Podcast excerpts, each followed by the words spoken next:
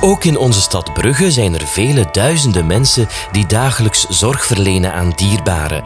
We noemen ze mantelzorgers en ze zijn dus met veel. In de tweede aflevering van onze podcastreeks Zorg met een Plus stellen we mantelzorg in de kijker naar aanleiding van de Dag van de Mantelzorg op 23 juni. We hebben het met expert Naomi de Bruyne over mantelzorg en de mooie toewijding die erbij hoort. Eigenlijk de essentie van mantelzorg is dat je een band hebt met de persoon. Dus je doet dat vanuit een soort van uh, loyaliteit, plichtsbesef, maar ook uit liefde. Maar we praten ook over de bekommernissen en moeilijkheden die mensen soms ondervinden als ze voor een geliefde zorgen.